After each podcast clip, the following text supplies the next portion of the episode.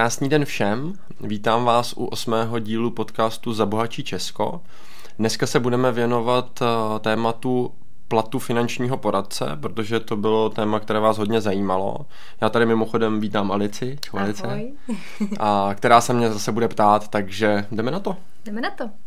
Vašku, eh, je finanční poradenství placená služba? No, to je dobrá otázka hned na začátek. Vlastně je a není. Ono totiž hodně záleží, jakýho poradce máte, protože někdo přímo si za tu službu nechává platit. A, ale v podstatě, když obecně odpovím, tak bych řekl, že finanční poradenství služba placená je, protože buď platíte toho poradce přímo na ruku, jako kdyby to budete znát třeba správníkem, kdy mu za nějaký úkon jakoby zaplatíte, a nebo ho platíte skrz ty produkty úplně stejně jako kohokoliv jiného na pobočce nebo jakýkoliv jiného makléře. To znamená, že v tom daném produktu je schovaná nějaká odměna a, a ta je vyplacená tomu člověku, který to s váma sjednává. Mhm. Takže když schrneme, jakoby, z čeho je poradce placen, tak vlastně má dva způsoby, jak být teda placen. V podstatě dva, dva hlavní. Ono mm-hmm. je právě paradoxní to, že uh, většina případů je podle mě takových, aspoň z vlastní zkušenosti, že ty poradci to mají skrz ty produkty, skrz ten provizní systém, mm-hmm. ale už jsem narazil i na pár případů toho, kdy, kdy ty poradci si přímo nechávali platit. No, tohle je třeba praxe běžná ve Velké Británii, kde to je povinný ze zákona, mm-hmm. musí být ten poradce placený klientem přímo. Mm-hmm. A, tak daleko my nejsme a myslím si, že ještě, ještě pár let nebudeme. A je lepší mít toho, který funguje na tom provizním systému, anebo toho placeného? To je dobrá otázka. Já bych odpověděl, že si myslím, že na tom vůbec nezáleží, že spíš to je jakoby o tom postoji toho člověka. Mm-hmm. Protože uh, dám příklad, já zatím mám poměrně málo zkušeností teda s těma přímo placenýma finančníma poradcema. Uh, skrz to, že za prvé jsem se o to nikdy jako nějak nezajímal, nepřijde mi to jako aktuální téma ale viděl jsem pár případů, konkrétně myslím pět, jestli se nepletu. Vlastně u, u jedné mojí klientky, hlavně tam jsme to řešili hodně, tak došlo vlastně k tomu, že jsme zjistili, že ten, že ten poradce se nechává platit od ní, ale zároveň jede na tom provizním systému. To znamená, v podstatě ho platila jako kdyby dvakrát jo, v tomhle tom měřítku. Což jsem teda posléze zjistil, že vlastně vzhledem k tomu, že další člověk byl z té stejné firmy, tak to fungovalo úplně stejně. To znamená, oni si nechávali dávat nějaký roční paušál jakoby za tu péči, nebo nevím mm-hmm. za mhm. co. A zároveň ale fungovalo normálně na tom provizním systému, tak jako v podstatě drtivá většina těch, těch poradců, což jsem ve finále zjistil, že u všech těch pěti takhle platilo. Jo. Takže mm-hmm a tam jde spíš jenom o to, jako být opatrný a nastudovat si tu smlouvu, jestli teda je to tak, že platím toho člověka přímo já a už, už se jako ta odměna tam nikde dál není, anebo, nebo jestli ho platím třeba jenom přímo těma produktama, to už chce jakoby si zjistit třeba u toho, u toho poradce. Mm-hmm. No a když fungují ty poradci na tom provizním systému, není to tak, že je to motivuje k tomu, aby jakoby poškodili mě, aby šli za tou co největší provizi a může to vlastně být na úkor jakoby mě? Jako teoreticky určitě může, zvlášť ve společnostech, kde ty provize jsou různý, protože vlastně to záleží i na té společnosti jako takový, jak s těma provizema pracuje. Jo, protože na třeba některé společnosti se tomu snaží bránit tak, nebo tomu brání tak, že sjednotí tu provizi. Ona většinou mhm. od těch společností bývá různá, vyjednaná různá, ale to, co ta společnost může udělat, že pro ty poradce tu provizi sjednotí, tak aby právě nebyli motivovaní tím, že já ho vezmu někam, protože tam dostanu o 2000 víc. Což logicky ve finále u těch poradců by tak tak mohlo být, mm-hmm. protože ono někdy ten rozdíl ani není 2000, může být třeba i 10 tisíc a to už pak jako je, je zásadní rozdíl. Jo. Takže my se třeba s tím tím snažíme bojovat tak, že, na, že to máme, dám, dám příklad třeba u hypotečních úvěrů, tak tam je to jako jednoduše představitelný, protože tam to lidi chápou, dokonce ze zákona je to v těch formulářích, který podepisují, je i napsaná ta odměna, kterou ten mm-hmm. zprostředkovatel za to má tak tam třeba to máme tak prostě, že ty odměny jsou u všech těch společností stejný, takže nám je úplně jedno, jestli ten člověk tu hypotéku dělá v hypoteční bance, ve sportce, v komerce nebo kdekoliv jinde, jde prostě o to, kde dostane nejzajímavější podmínky. A teď nemyslím jenom tu úrokovou sazbu, ale celkově ty podmínky, protože to není jenom o té úrokové sazbě, o tom čísle. Mm-hmm. Takže no, abych se vrátil k tomu, samozřejmě, ono to ve finále stejně nejvíc bude záležet na tom poradci jako takovým. Protože já nechci říct, že když by někdo neměl ty odměny srovnaný, stejný, mm-hmm. že to nemůže dělat dobře pro klienty, jo, protože to záleží na tom nastavení. A třeba já musím říct jako sám za sebe, že dost často, no, jsem měl hodně schůzek s různýma ředitelema, majitelema a tak dále různých poradenských firm, který se mě a můj tým snažili někam přetáhnout a vždycky hmm. to byl rozhovor o těle těch provizích. A já jsem jim vždycky říkal, víte upřímně, mě tohle nikdy nezajímalo. Hmm. Já ani, že se mě ptali, a kolik máte provizi za životní pojištění, a kolik máte provizi za hypoteční úvěr. A já jsem si někdy připadal ještě jako Alenka v říši divů, protože mě to nikdy nezajímalo, já jsem to vlastně ani nevěděl. Mm-hmm. Takže já říkám, hele, já se vás, já se vám omlouvám, ale já tuhle informaci jako vůbec neznám. A asi to ukazuje, jak moc je to pro mě důležitý. Jo? Mm. Mě to totiž jako vůbec nezajímá. Mě zajímá jedna věc, za kterou já jdu, a to je, aby můj klient byl maximálně spokojený. A nic jiného mě nezajímá, protože já vím, že bez ohledu na tu odměnu, když moji klienti budou spokojení a budou se za mnou vracet, tak já ty peníze prostě mít budu. Mm. Já si pamatuju spolumajitel naší společnosti Michal Opel, mi kdysi na začátku, když jsme spolu začínali spolupracovat, říkal, dělej tu práci dobře, dělej tak, aby klienti byli spokojení a peníze nikdy nebudeš muset řešit. Jasně. Jo, my samozřejmě všichni víme a asi i většina lidí ví, že finanční obor je jeden z nejlíp placených, tam je mimochodem taky důvod, proč tam spě spousta lidí, který jim nejde o to těm klientům pomoct a jim o ty peníze, mm-hmm. ale zároveň teda platí to, že když tu práci děláte dobře, tak jste za ní fakt dobře zaplacený a, a to je jediné, co mě v podstatě zajímá. Mě zajímá, aby moje klienti byli spokojení, když budou spokojení, tak já vím, že je o mě finančně postaráno. To znamená, nemusí to nezbytně nutně znamenat to, že když někdo nemá, nebo má ty provize jakoby různý, že, že musí ty klienty poškozovat. Ale může to k tomu směřovat, mm.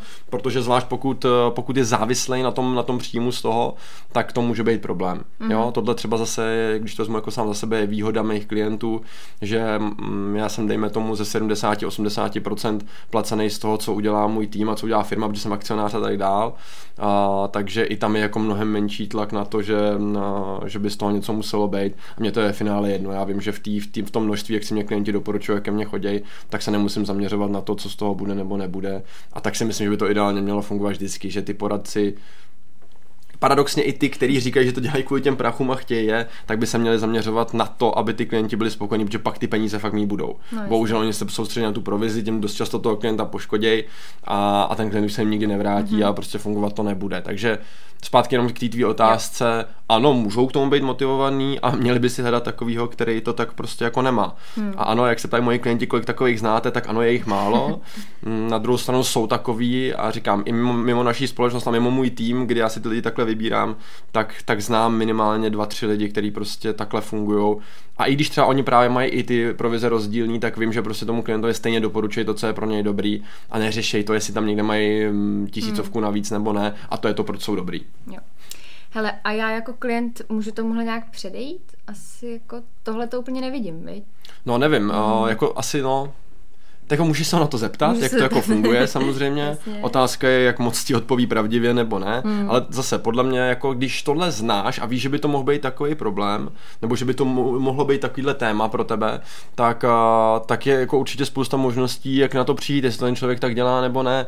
No já říkám těm lidem, zajímejte se o to, na tom poznáte úplně nejvíc. Jo? Prostě pokud vám ten člověk řekne, půjdeš sem, protože tady to je dobrý, tak to pro mě není žádná racionální informace, ale pokud mi vysvětlí, že tahle ta varianta je pro mě správná proto, proto, proto, proto, ve srovnání s těma ostatníma, kdy mi to jasně ukáže, proč je to mm. tak lepší, no tak eh, pak i ve finále vlastně mě jako klienta vůbec nezajímá, kolik on za to má odměnu. Já prostě chci vědět, že mám to dobrý. A když mi ten poradce třeba otevřeně řekne, ano, budeš za to platit o něco víc, ale je to z takovýchhle x důvodů, mm-hmm. protože prostě a ukáže mi to hmatatelně, abych já jako si pod tím dokázal Jasně. něco představit jako like, tak v tu chvíli vlastně ve finále asi, aspoň já to beru za sebe, mě jako klientovi je to úplně jedno. Jo, jako já když budu vědět, že půjdu za právníkem, který je fakt jednička a zaplatím za to, že mi udělá smlouvy 15 tisíc, anebo mám mít za nějakým průměrným a dát mu 10, já vždycky půjdu za tím profíkem a dám mu klidně 15, protože budu, když budu vědět, co mi to přinese. Mm-hmm. Když to ale nerozeznám, no tak jasně, že budu radši chtít toho za 10. A proto je podle mě úkol těch poradců vám to jako klientům ukázat. Mm-hmm. Jo, že, že proč teda mají dělat tu danou věc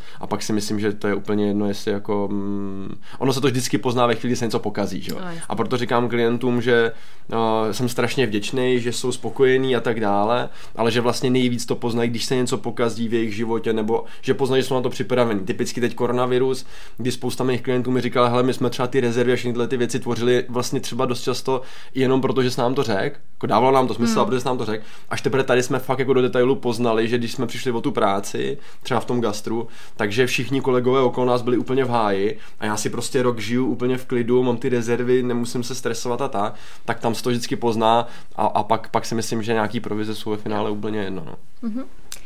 Uh, co když si nechám třeba jenom poradit a pak si to sjednám sama? Ušetřím tím jako sobě nějaký peníze? No vlastně neušetříš, protože, a, protože ta provize tam je vždycky a když půjdeš s tím na pobočku, tak ji zaplatíš té bance, která to rozdělí na toho pobočkového pracovníka, jeho manažery, ředitele a tak dále. Když to uděláš na internetu, dostane to ten někdo, kdo vlastní, kdo vlastní tu stránku a tak dále. Mm-hmm. Takže tímhle si myslím, že bys ani jako mm, na tom nějak neušetřila nebo nevydělala.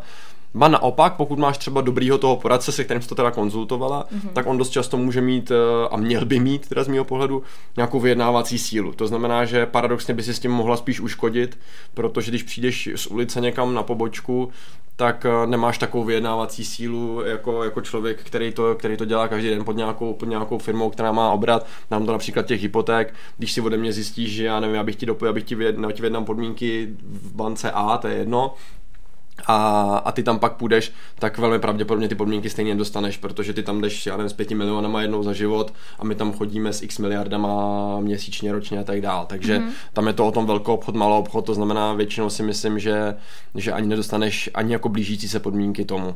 Mm-hmm. že tam většinou je právě ta, ta množstevní sleva, řekněme, ten velký obchod, malou obchod. Mm-hmm. Jo? Takže myslím si, že bys na tom spíš prodělala, než jo. vydělala. Takže ten rozdíl toho, když to řeším s finančním poradcem versus s bankéřem v bance, že prostě fakt přijdu na pobočku, je hlavně tady v těch vyjednávacích silách, protože ten bankéř už mi pak nedá ty podmínky, jako bych dostal. Tak on by, on by teoreticky mohl, ale musí to být tak, že pro něj musí být nějakým způsobem zajímavá. Mm-hmm. a oni většinou já zase ne, nevidím úplně detailně, neznám ve všech bankách, jak to funguje, ale většinou to je tak, že pokud seš pro ně jako extrémně zajímavý klient, mm-hmm. tak jo, takže dám příklad, když tam přijdeš s hypotečním úvěrem, že chceš 25 milionů, mm-hmm. tak se můžeš dostat na zajímavé podmínky určitě i přímo na té pobočce. Jo, jako to v žádném případě ne, netvrdím, že ne. Uh, otázka je, jestli přijdeš zrovna na tu správnou pobočku mm. a tak dál, to znamená, a jestli narazíš na toho, kdo fakt má zájem ti s tím pomoct. A je tam hrozně moc proměných, který, který do toho jako vstupují, ale jinak co se týče jako toho, toho hodnocení, mm-hmm. tak to ve finále vyjde všude stejně. Ba naopak, některé ty společnosti vy, využívají tu vyjednávací sílu k tomu, aby si navýšili ty svoje provize. To znamená, že, že zase na, u některých poradců to třeba může být tak, nebo poradenských firm, že třeba tam je ta provize ještě větší a ty to zaplatíš v tom produktu. Mm-hmm. Jo, proto to bylo právě, když, když se mě ptali, jestli bych nechtěl jít k ním, že budu mít o, já nevím, 10 tisíc navíc té provizi, tak já říkám, no ale kdo to zaplatí ve finále? Jo. Kde se vezme jako těch 10 tisíc? No to neřešte, to je jedno, ne, to nám dá ta společnost. Já říkám, no to já chápu, že nám to dá ta společnost, ale z čích peněz? Hmm. A jestli to má být na úkor mých klientů, tak děkuju nechci, protože já radši teda budu makat víc. Hmm. Ano, nejsem ten, který by se válel s nohama, nohama nahoře a, a bral za to nekřesťanský peníze. Já jsem ochotný makat, tak já radši pomůžu dvěma nebo třema klientům navíc a dostanu stejnou odměnu, ale budu vědět, že jim pomáhám a budu vědět, že jim neříkám, je to pro vás skvělý, ale zároveň jim tahám peníze z kapsy. Prostě hmm. nepřijde mi to jako no, morálně v pohodě. Jo. Je tam ještě nějaký další rozdíl uh, jakoby v porovnání finanční poradce versus ban- bankéř v bance nebo makléř u pojišťovny?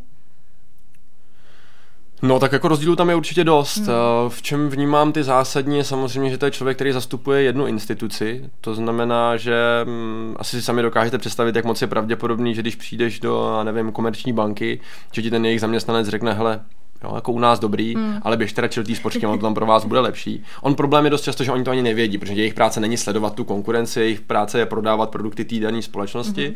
tak abyste byli spokojení. Takže jako za mě ty, ty hlavní rozdíly je, že zastupuje jednu společnost, takže vlastně nevíme, jestli je to pro nás fakt dobrý. Ta pravděpodobnost, když vezmu, že bude 50 bank, tak, eh, tak je to 1 ku 50, že to je pro mě ta správná varianta, což si sami můžete vyhodnotit, jestli je v pohodě nebo není.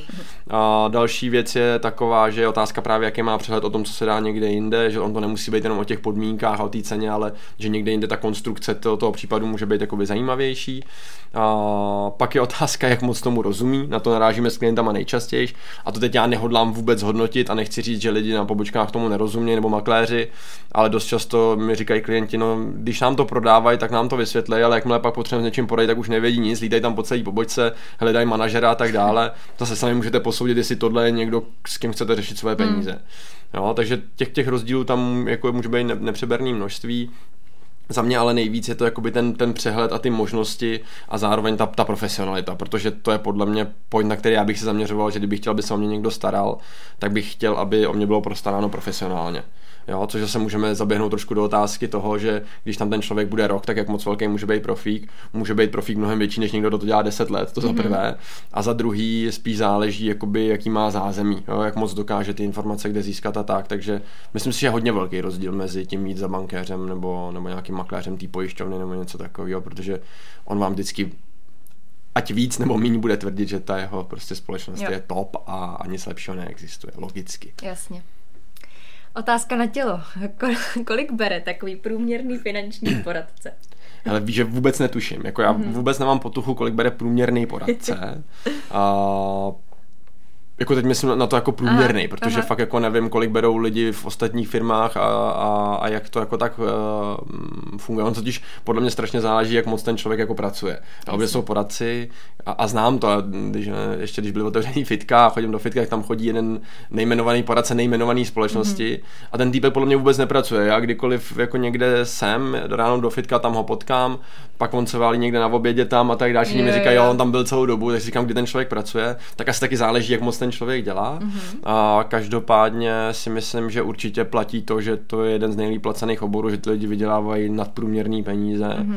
A pak to záleží na tom, uh, jak moc jsou dobří, to mm-hmm. za prvé, a za druhý, uh, jak moc jsou jako aktivní, protože oni některý můžou vydělávat dost peněz, i ty, kteří dobrý nejsou, mm-hmm. jenom tím, že to prostě dělají ve velkém hodně. Jejich problém většinou bývá, že to není úplně dlouhodobý, protože pokud tu práci nedělají dobře, tak to dlouhodobě není udržitelný, to znamená pak časem spíš ty příjmy klesají. A co se týče, co se týče průměrného poradce, já si myslím, že že si myslím, že tak třeba kolem 50 tisíc by mm-hmm. mohl vydělávat. Možná, možná no, 50 bych bral jako asi průměrný. Jo. Oni taky Jo. budou ty, kteří nic moc nedělají. Jasně. Zase si člověk může říct, jestli bych chtěl poradce, který, eh, nebo jestli bych chtěl doktora, aby mě operoval, který operuje jednou za půl roku nebo jednou za měsíc, tak stejně to je s tím poradcem. Já bych radši toho, který maká a, má, a řeší ty případy aktivně a tak dál, tak ten si myslím, že by určitě vždycky měl brát jako nad 50. Mhm. A pak samozřejmě taky záleží, jestli já nevím, jako vede tým a tak Jo, jo. Takže se to určuje podle vlastně odvedený práce, jako Tak, no v ideálním případě přesně by to mělo být tak vlastně jako, mělo by to být tak, že jak moc ti pomůže, tak moc dobře je zaplacený. Jo. Bohužel ten vždycky to tak je, protože v reálu to je spíš o těch jako sjednaných produktů, takže když tady mm, mi jeden klient říkal, že jeho známý, který dělá v nejmenovaný poradenský firmě, si objednal Ferrari, tak teď teda 14 dní na to mi řekl, že, že si možná půjde sednout, ale to je jedno. Ježiš. Takže a to je přesně jako ono, jo, že, že on to nemusí být o tom, že když člověk vydělává hodně peněz, že jako je dobrý poradce. Jo. To už jsme se bavili v tom předchozím podcastu nebo v jednom z těch předchozích, že dobrý poradce se podle mě Hmm. pozná podle toho, jak se daří jeho klientům, ne jak se daří úplně jako jemu vyloženě. Jo. Navíc ten poradce by měl být v tomhle tom tím příkladem, takže, takže, takže tak. Mhm. Uh, já asi tuším odpověď, ale zeptám se, jde to teda z mojí kapsy ten jeho plat nebo nejde? No v podstatě jo, v podstatě mm-hmm. já bych řekl, že ten provizní systém je právě alternativa té přímé platby. Jo, mm-hmm. že, že ta služba jakoby v podstatě musí být placená a teď je otázka, jestli ty lidi jsou připravení na to, že, že někoho platím fyzicky, anebo ne. Tady na to nikdy nikdo nebyl připravený, proto se to dělá takhle. Jo, znovu říkám bez ohledu na to, jakoby s kým vlastně spolupracuji. A to je to, co si myslím, že by se lidi možná měli nejvíc jakoby zamyslet, mm-hmm. že ať to řeší jakýmkoliv způsobem. Je jedno, jestli na internetu, na srovnavači, eh, na pobočce a tak dále, vždycky někoho platí. Mm. A to, co jenom apeluju, zamyslete se prosím na to, koho a za co platíte.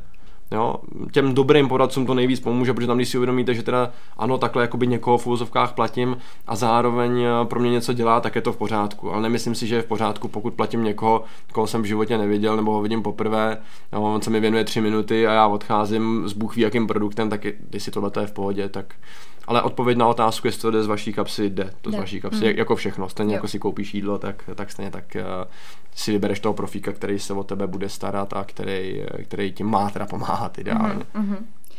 No a když už pak ten produkt mám sjednaný, ale třeba z nějakého důvodu zruším, tak uh, musí ten finanční poradce pak jako vracet peníze, nebo je tam nějaká pokuta pro něj? Jak to takhle funguje? Jo, tam záleží, jak, u jakého nástroje Mhm. a záleží na, na strašně moc jako faktorech, ale obecně uh, u velké části z nich je tam takzvaný storno té odměny, a to znamená, že tam je vždycky nějaká doba určená, během který, když to klient zruší, tak ten klient, ten poradce vrací poměrnou část. Aha. Takže když dám příklad, že tam bude storno období jeden rok, tak když ty to zrušíš v půlce, tak on vrací půlku té odměny. Což je podle mě naprosto v pořádku, a zvlášť z toho důvodu, že to zase chrání klienty proti tomu, aby jim někdo sjednával nějaký chujoviny, Mhm. mm-hmm. aby, ne, aby poradci nedělali to, co spousta z nich dělá, že každý rok mění klientům životní pojištění, proto třeba u toho životního pojištění je storno období pět let Mhm. ze zákona, takže, takže zase to brání tomu, aby ty poradci to takhle přepojišťovali každý rok, že to škodí klientům. Klienti by si měli uvědomit, že každý rok jsou starší, dost často i už třeba prodělali nějaký úraz, nemoc, co se všechno projevuje do ceny toho nového pojištění. Mm-hmm. Takže mm, cílem tohohle je, aby to bránilo poradcům v tom předělávání těch věcí, a, který by mohly poškodit klienta. Samozřejmě se může stát i situace, že přijde nějaká výhodnější varianta, že to pro vás je očividně lepší a i třeba levnější díky nějaký slevě, takže může být, ale ten poradce tím podstupuje to, že v určitý době tam vždycky tato storno té provize což ale já vnímám jako mm, vlastně dobře, mm-hmm, že to tak je mm-hmm, správně. Mm-hmm. Jo, škoda, docela bych jako byl i rád, kdyby se třeba muselo ze zákona zveřejňovat proplacenost toho poradce. Proplacenost eh, pro ty, kteří nevědí, co to je, což asi bude většina z vás, mm. tak je to vlastně kolik procent těch smluv, který jsem s klientama uzavřel, sjednal, tak kolik procent z nich reálně klienti platí. Mm-hmm. Jo, protože pokud se nepletu, teď jsem asi poslední ten měsíc nekoukal, ale mám asi 98% tu mm-hmm. proplacenost. Uh, jsou poradci, který úplně v tom jsou poradenské firmy, dokonce celý, který mají průměr třeba 50-60%. Jo, to znamená, hmm. nevím, jestli je úplně OK, že 50% toho, co uzavřu klienti, vůbec nevyužívají, tak mi to no, přijde jako jasně, jako divný. No. Hmm. Existují nějaké produkty, za které ten poradce dostává jakoby víc, nebo nějaký žebříček, prostě co nejvíce mu vyplatí, mě vlastně jakoby nadspat, když to řeknu blbě, a co naopak třeba mi nebude chtít dávat, protože prostě za to nemá ani korunu. Jo, obecně bych řekl, že to většinou ta odměna bývá uměrná tomu profitu té společnosti mm-hmm. za tu dobu, kterou z toho má. To znamená obecně nejlíp placený a to se dá i krásně právě poznat, a, že a, ty poradci většinou právě klientům tlačí to, kde mají ty odměny. Mm-hmm. to znamená spoustu věcí třeba pak vůbec neřeší a tak dále. To znamená největší odměny obecně pardon, největší odměny obecně bývají u hypotečních úvěrů mm-hmm. a u životních pojištění v podstatě. Jo. Jo, tam, tam vlastně těm společnostem vznikají ty největší zisky, celkově vlastně obecně u úvěrů, protože na tom ty banky vydělávají velký peníze, takže to můžou dát dobrou odměnu a je to podle toho objemu, který do té banky nebo do té instituce přiteče. Takže u toho životního pojištění se vzhledem k tomu, že na docela dlouhou dobu, tak se tam přiteče docela dost peněz, takže to jsou největší odměny. A to, to asi i většina z vás bude znát, že ty poradci hlavně spou životní pojištění za každou cenu. Já proti tomu nic nemám, že si myslím, že to je jako do jisté míry je to správně, že by to člověk měl mít, ale mělo by to být nějak jako vhodně, vhodně nastavený, tak aby, abych tam zbytečně necpal moc jenom protože poradce za to měl velkou odměnu, mm. aby se nedělo to, co se děje úplně běžně, že mi klient přinese, teď zrovna včera mi tady klientka přinesla smlouvu životního pojištění, která jenom pro vaši představu by se správně měla nastavovat do 65 let věku, kdy končí ten produktivní věk, teda aspoň aktuálně, tak měla tu smlouvu nastavovat do 85. A to proto, že čím delší dobu ta smlouva funguje, tím větší je provize pro toho, pro toho poradce. Jo, tak to mi přijde úplně zcestný, jako představa, že 85 letá paní si platí životní pojištění, kde mm. vlastně už stejně drtivá většina těch připojištění není, protože končí v 65 a zůstává tam jenom těch pár nepotřebných v podstatě krom umrtí třeba, tak, tak mi přijde úplně jako zcestný tyhle ty hmm. věci. A ty se prostě dějou, protože, protože ty, ty, ty pojišťováte, v tomto případě to nebyl teda poradce, nějak jako makléř té dané pojišťovny, tak prostě mají uměrně provizi tomu, jak dlouho ta smlouva běží. Mm-hmm. Existují naopak produkty, za které poradce nic nemá? Jo, jo, jo existují. No, nic, nic asi nikdy, ale skoro nic bych to mm-hmm. tak mhm. jako nazval. A poznáš to dost jednoduše tak, že, že to jsou ty, který s tebou ten poradce neřeší většinou. Takže a, typicky běžní účty, spořící účty, dost často i neživotní pojištění, není prostě jako ty oproti všem mm-hmm. ostatním nástrojům mm-hmm. jsou tam ty, ty provize poměrně menší a proto to většina poradců vůbec neřeší. Já jsem v životě třeba neviděl, za celou dobu jsem neviděl ani jeden uzavřený spořící účet od finančního poradce třeba. Mm-hmm. Jo, já se nedivím, protože v porovnání s ostatníma i my tu odměnu dáme úplně 0,0 nic, prostě dáme 50 korun nebo něco takového, nebo, nebo 100, mm. jo, ale a vlastně v podstatě potom, když to člověk uvědomí, tak já když vezmu, že eh, někdo v mém týmu to musí s tím klientem sjednat, jeho čas, mm-hmm. náklady na to člověka, že, že ho nějakým způsobem platím a tak dále, jsou dost často mnohem vyšší, než to, co je ta odměna. Jo. Proto to ty poradci nedělají. Mm. Jo, ale podle mě to není správná cesta, tak prostě ho to beru tak, jako že to je investice do mého klienta, protože to je správný, měl by to mít. A i jestli bude mít spořící účet, kde je, já nevím, 1% anebo 0,1, mm je sice jako neúplně zásadní rozdíl, ale pořád jsou to peníze pro toho klienta, který by normálně neměl. Takže si myslím, že to by ten poradce měl dělat. Takže určitě takový produkty jsou, většinou poznáte, že sama nikdo neřeší. Hmm. Proto se ptám vždycky těch lidí, kteří přicházejí od těch poradců, co s nimi řešili, životní pojištění a hypotéku. Hmm. Hmm. Divný. Jasně. Jo, takže a říkám ten zbytek jako co? No to tady bylo v pohodě. Já říkám jo, takže životko a hypotéka na hovno s proměnutím, ale všechno ostatní bylo v jo. pohodě. Divný. Hmm. Jo, a přitom tam bývá nejvíc chyb a taky můžou ty klienty dost často poznamenat právě třeba u toho neživotního pojištění a tak. Takže takže si myslím, že to by mělo být jako ta komplexní práce toho poradce, že řeší fakt úplně všechno a nenechává ty věci náhodě a je úplně jedno, jaká za to odměna je nebo není. Uh, tak jo, super. To byla taková asi hezká věta na závěr. Tak uh, všechny otázky jsou byly položeny. Takže děkuji, Vašku. Hmm, rádo se stalo. Uh, vás, co posloucháte, poprosíme, pokud se vám to líbilo, určitě nás ohodnoťte, případně nazdílejte. No a vy nezapomeňte, peníze sice nejsou ta nejdůležitější věc v životě, ale ovlivňují všechno, co je důležitý. Proto bychom se k něm podle toho měli chovat. Mějte se krásně, hezký den.